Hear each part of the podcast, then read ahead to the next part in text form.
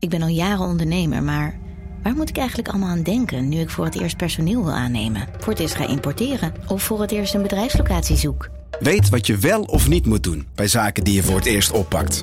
Check kvk.nl voor praktische stappenplannen. KVK, hou vast voor ondernemers.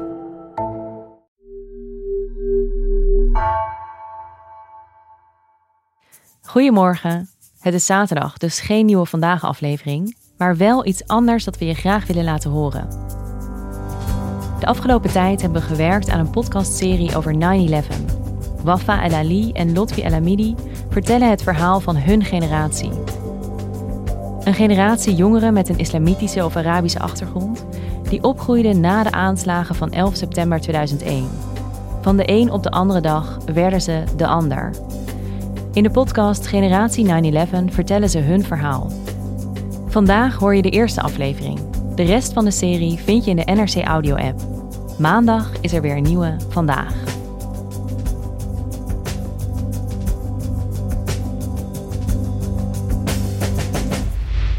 NOS Jeugdjournaal.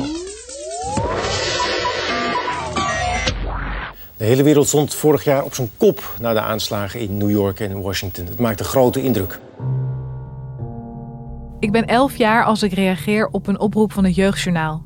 Mijn lievelingsprogramma wil weten hoe kinderen in Nederland de aanslagen van 11 september hebben beleefd. Ik voel me aangesproken. Voor ik het weet staat er een cameraploeg in mijn kleine slaapkamer. Een felle lamp verlicht mijn gezicht. Achter mij hangt een gifgroen doek. Ik haal diep adem en begin te vertellen. Ik zat naast een jongen in de klas en uh, ja, die fluisterde in mijn oor terrorist. En uh, toen wou ik dat aan mijn meester vertellen. En toen had ik dat even later ook gedaan. En ja, die neemde me niet serieus. En uh, toen moest ik huilen en, hij, en de jongen zei dat dat niet waar was. De verslaggever vraagt me vol medelijden... Wat vind je ervan dat je om je geloof bent gepest? Van de zenuwen struikel ik over mijn woorden. Dus het best wel erg dat ik daar word gepest, mee werd gepest. Ik vind het niet alleen erg voor mezelf, maar eigenlijk voor alle moslims. Ineens worden we met een andere blik bekeken. Op het eind zeiden ze dat ze dachten dat het Osama Bin Laden um, de meest gezochte terrorist van de wereld volgens mij was. En uh, ja, hij was moslim en ja, dat vond ik best wel erg, want uh, dan denken zeker mensen dat ik ook slecht ben. Als één moslim slecht is, dan, dan, wil, dan wil het ook niet zeggen dat alle andere moslims slecht zijn.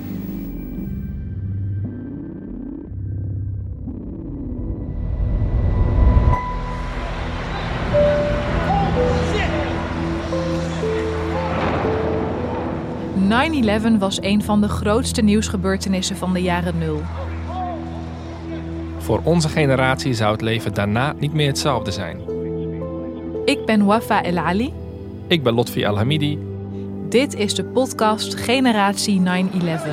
Despicable acts of terror. Een podcast van NSC over hoe de aanslagen van 11 september 2001 een generatie gevormd hebben. Onze generatie. Een generatie die volwassen werd na de aanslagen van 9-11. Jongeren met een Arabische of islamitische achtergrond we moesten ons allemaal verhouden tot die gebeurtenis in Amerika.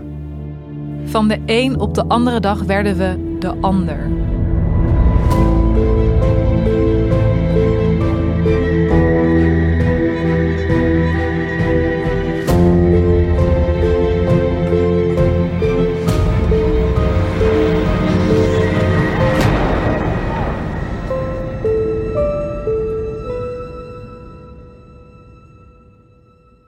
Dus Wafa, jij was op het jeugdjournaal. Dat was toch in die tijd ongeveer het hoogst haalbare voor iemand van elf? Ja, dat klopt. En ik vond het ook heel spannend. Uh, en als ik mezelf dan ook zo terugzie, denk ik, ja, schattig en vooral heel dapper. Maar het paste wel bij 10, 11-jarige Wafa om zo op de voorgrond uh, te willen treden. Want uh, in de klas was ik vaak het middelpunt van iedereen met mijn geklets en grapjes. En ook als de meester uh, iets wilde weten van ons, dan was ik de eerste die, die mijn hand opstak. Omdat ik zo graag wilde laten zien nou, dat ik iets te vertellen had. Dus ja, 11-jarige Wafa vond het heel spannend. Maar ik wist zeker dat ik dit verhaal wilde vertellen. En hoe reageerden je ouders? Mijn ouders waren echt uh, heel erg trots dat ik op televisie uh, was. En ze maakten ook allemaal foto's van de uitzending, die ze dan uh, uitprinten en aan hun vrienden en kennissen uitdeelden. En ik weet ook wel zeker dat, dat een paar van die foto's in het Midden-Oosten zijn beland. En hoe reageerden ze op school eigenlijk? Nou, toch wel iets anders. Want toen de uitzending eh, erop zat, ging ik slapen. En ja, toch wel met de verwachting dat ik de volgende dag ja, naar school zou gaan. Uh, en zou worden onthaald door mijn juffen en meesters en klasgenoten. En de ouders van mijn klasgenoten. Alsof ik nou, iets heel bijzonders had gedaan. Dus ik had er heel veel zin in. maar toen ik op school kwam en plaats nam in de klas merkte ik toch al heel snel dat uh, mijn juffen van groep 8 uh, heel boos uh, waren op me. Ze vonden namelijk dat ik de school te kakken had gezet door te zeggen dat een van hun leerlingen mij voor terrorist had uitgemaakt en dat de meester daar niks tegen had gedaan. Maar begreep je wel waarom ze boos waren? Nee, ik begreep het echt totaal niet. Het verwarde me. En ik zei ook nog tegen mijn juffen: waarom zijn jullie boos op mij? Wat was er dan gebeurd in de klas? Nou, meester Gerard reserveerde elke vrijdag het overblijflokaal van de school. Want daar stond dan de enige televisie. Hallo allemaal, het is 11 uur, dus weer tijd voor het SchoolTV Weekjournaal. Bij elk ongeluk dat er nu gebeurt, denkt de wereld dat het om terroristische aanslagen gaat.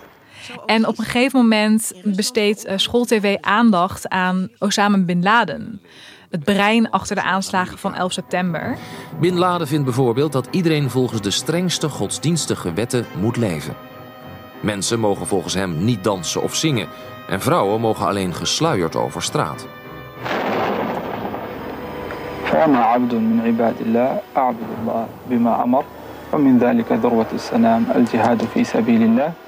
En ik hoor Bin Laden Arabisch praten en die taal spreek ik ook. Dus ik fluister tegen een klasgenoot: hey, ik kan die bebaarde man verstaan. Uh, hij spreekt ook Arabisch. En nou voor ik het uh, weet, word ik voor dochter van Bin Laden uitgemaakt. En uh, later in een rekenles ja, roept een klasgenoot terrorist tegen mij. En anderen in de klas praten hem dan na. Was jij het enige kind in de klas met een Arabische achtergrond? Ja, in mijn klas was ik inderdaad eh, het enige kind met een eh, Arabische en islamitische achtergrond. Laten we het erop houden dat in mijn jeugdjaren uh, moslims een zeldzame soort waren in de achterhoek.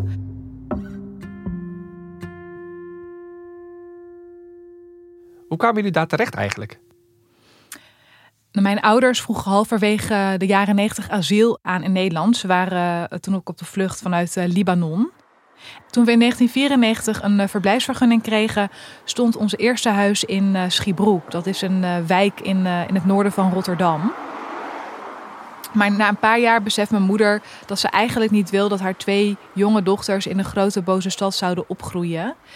Dus besluiten mijn ouders naar Winterswijk te verhuizen. En Winterswijk is een klein dorp um, in het oostelijkste puntje van Nederland, in de achterhoek. In groep 6, dat is een jaar voor de aanslagen van 11 september, houd ik mijn spreekbeurt over de islam. Omdat ik mijn klasgenoten heel graag wil vertellen over mijn uh, religieuze en uh, culturele achtergrond. En mijn klas die luisterde daar echt vol aandacht naar. En toen mijn spreekbeurt dus ook voorbij was, werd ik echt bedolven met vragen. Echt iedereen wilde weten of ik ook vijf keer per dag moest bidden. En of ik het zwaar vond om aan de Ramadan mee te doen. En of ik bijvoorbeeld uh, met een niet-moslim jongen mocht trouwen later. En dat de meester toen ook aan de, alle jongens in de klas vroeg... wie wilde later met Wafa trouwen? En alle jongens staken hun hand op. Maar ik, ja, ik dacht, dat zeg je ook alleen maar omdat ik nu een 9 heb gehaald. Maar een jaar later, in groep 7, dus kort na de aanslagen van 11 september, uh, veranderde het leukige aan uh, anders zijn. Ik merkte dat mijn uh, klasgenoten anders begonnen te kijken naar mijn afkomst. En zoals ik ook dus bij het Jeugdjournaal vertelde, um, begonnen de pesterijen. Dat heeft op mij veel indruk gemaakt. En ik heb me altijd afgevraagd uh, of meester Gerard, mijn schoolmeester van toen, nog weet dat ik naar hem toe kwam uh, om te vertellen dat ik voor terrorist werd uitgemaakt. En dus ben ik teruggegaan. Naar Winterswijk? Ja, naar mijn oude basisschool. Ik sta op het schoolplein waar ik zelf zo'n 20 jaar geleden ook speelde. De kinderen rennen door elkaar in de kleine pauze. Het schoolgebouw is helemaal vernieuwd. Toch voelt het vertrouwd. Op het schoolplein zie ik een kleuterjuf staan die in mijn tijd ook al les gaf op de school. Oh, maar wat leuk hè. Heel bijzonder. Heel bijzonder. We gaan naar binnen, naar de lerarenkamer. Verboden terrein voor kinderen, maar nu mag ik aanschuiven en krijg ik thee. Ja, dat jij hier uh, al die jaren. Hey. Hallo. Mensen voor Gerard. Wat leuk om jou weer te zien. Nou. Ik heb afgesproken met meester Gerard. En speciaal voor onze afspraak heeft hij de klassenfoto uit 2001 meegenomen. Ik herken iedereen. Wat waren we klein. En wat een lelijke kleren moesten we van onze moeders aantrekken. Ik heb toen zo'n uh, fijn, gezellig schooljaar gehad. Want ik heb deze club altijd als een super sociale, gezellige, leuke uh, club gevonden. Het is bijzonder om met meester Gerard bij te praten. Het voelt vertrouwd. Maar daarvoor ben ik niet gekomen. Ik wil het met hem hebben over die keer dat ik op het jeugdjournaal was. Maar weet je nog wel dat ik een jaar daarna bij het jeugdjournaal ben geweest? Ja, dat weet ik nog wel. Wat weet je daar nog van? Ja, daar ben je trots. daar ben je trots dat jij er zit. Hij is trots dat ik zijn oud-leerling op het jeugdjournaal was. We kijken het samen terug. En, uh, ja,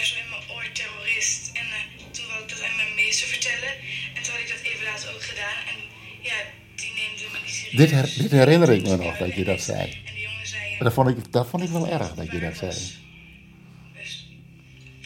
Meester Gerard weet nog dat ik op het jeugdjournaal vertelde dat ik niet serieus genomen werd door hem. Dat vindt hij nog steeds erg. Want, want je werd zeker serieus genomen, dat is iets wat zeker is. Ja. Maar hij herinnert zich niet meer dat ik in groep 7 naar hem toe kwam en vertelde over de pesterijen. Nee, dat, dat herinner ik me niet. Maar dat fragment, dat je dat toen later zei. Want dat deed mij eigenlijk wel zeer. Ik kan me ook niet voorstellen dat dit veel meer is geweest dan uh,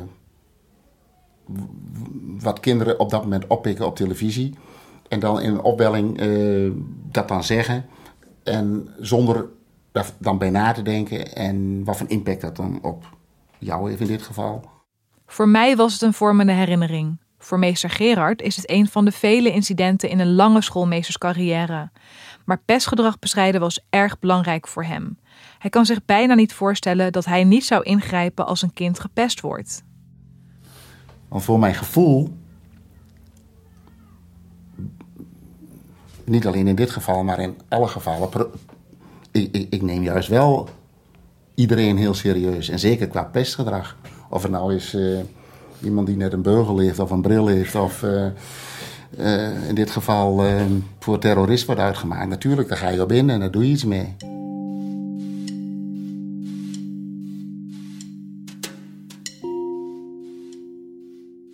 Het was echt heel bijzonder om met mijn schoolmeester twintig jaar later herinneringen op te halen en terug te kijken op een jaar wat ja, toch heel belangrijk is geweest voor mijn verdere ontwikkeling. Maar iets steekt. Want vergelijkt hij nou mijn Arabische achtergrond met het dragen van een bril? Vind je dat terecht dat hij die vergelijking maakt?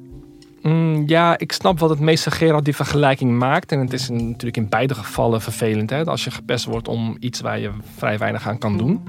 En tegelijkertijd vind ik het ook wel een manke vergelijking. Want na 11 september ging het alleen maar over de islam en alleen maar over moslims. En moslim zijn was geen triviaal gegeven. Het had een lading gekregen. En ik denk dat hij dat destijds onvoldoende heeft onderkend. Of in ieder geval heeft onderschat. En nou ja, een minderheid zijn is heftig. Vooral na zo'n gebeurtenis. En ik denk dat hij dat op dat moment kennelijk niet door had. Nou, ik neem het meester Gerard ook niet kwalijk. Ik denk net als jij dat hij op dat moment helemaal niet door had uh, wat het gewicht van die uh, opmerkingen uh, was. En dat ik dus die pesterijen nog heel lang met me mee zou dragen. Maar ik denk wel dat als we het over 9-11 hebben, dat het voor mij wel echt het eh, moment markeert dat ik de ander werd voor mijn klasgenoten.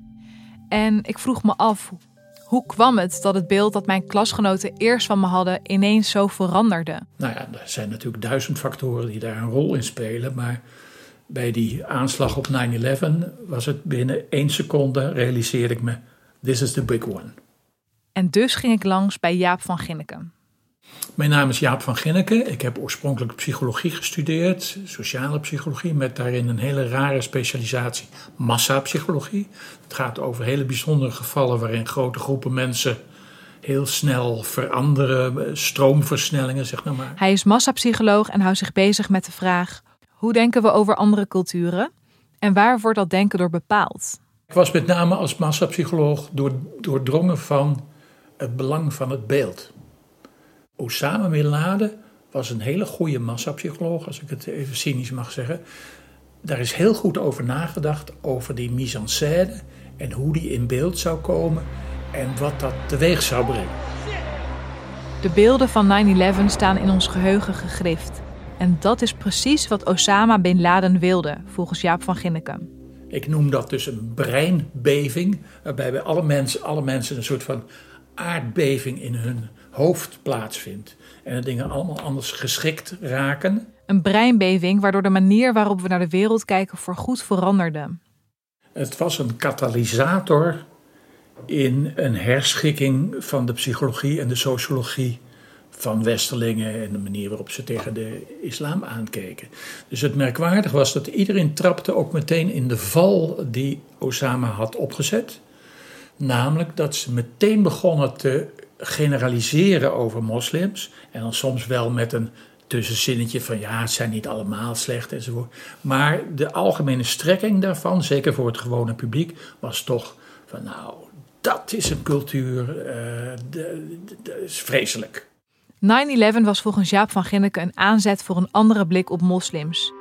Er ontstond een wij-zij-denken en dat had invloed op wat hij onze sorteermachine noemt. En dat gaat dus als volgt: er gebeurt iets en in je, in je brein gaat onmiddellijk de sorteermachine aan het werk. Dat wordt altijd automatisch, maar dat gebeurt vol automatisch in je hoofd. Dat heeft niet eens met onbewust of bewust te maken. Er zit gewoon een sorteermachine die dat allemaal de ene kant opgooit of de andere kant.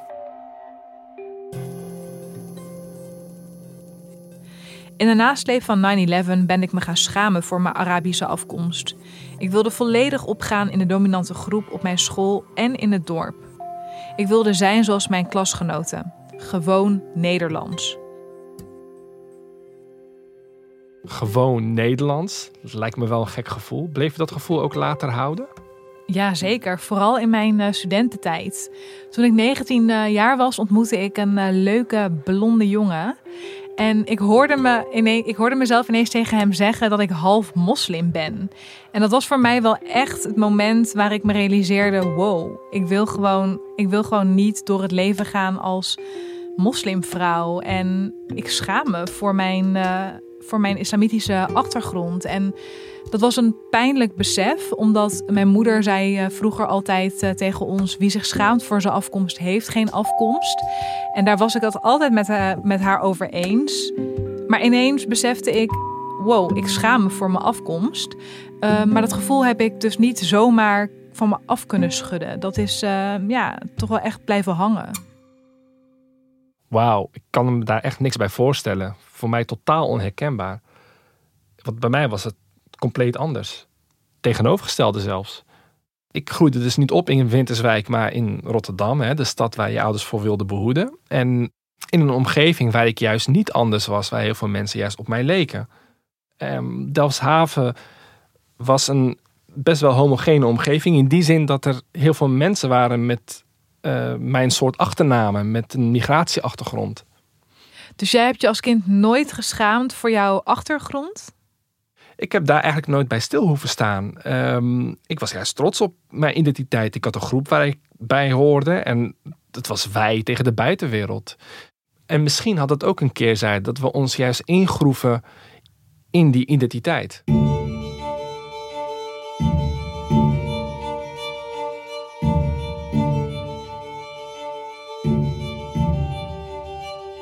Je luisterde naar Generatie 9-11, een podcast van NRC. Luister nu de hele serie Generatie 9-11 exclusief in de NRC Audio-app. Hoe moet ik deze quote plaatsen? Uh... Ja, die quote moet je plaatsen in het artikel waarvan die quote kwam. Als je die artikel leest, dan zie je dat het eigenlijk... Ik probeer daar een analyse te maken. Oké? Het is niet zo van... Uh, hey yo, we waren tevreden. Ah, we got you. Uh, het is van, oké, iemand heeft Amerika een bloedende neus gegeven. Uh, they had it coming. Deze serie werd gemaakt door Wafa El Ali, Lotfir Hamidi, Tessa Kole en Misha Melita. Montage door Jeppe van Kesteren, Yannick Middelkoop en Bas van Win. Bas van Win maakte ook de intro-muziek die bij deze serie hoort.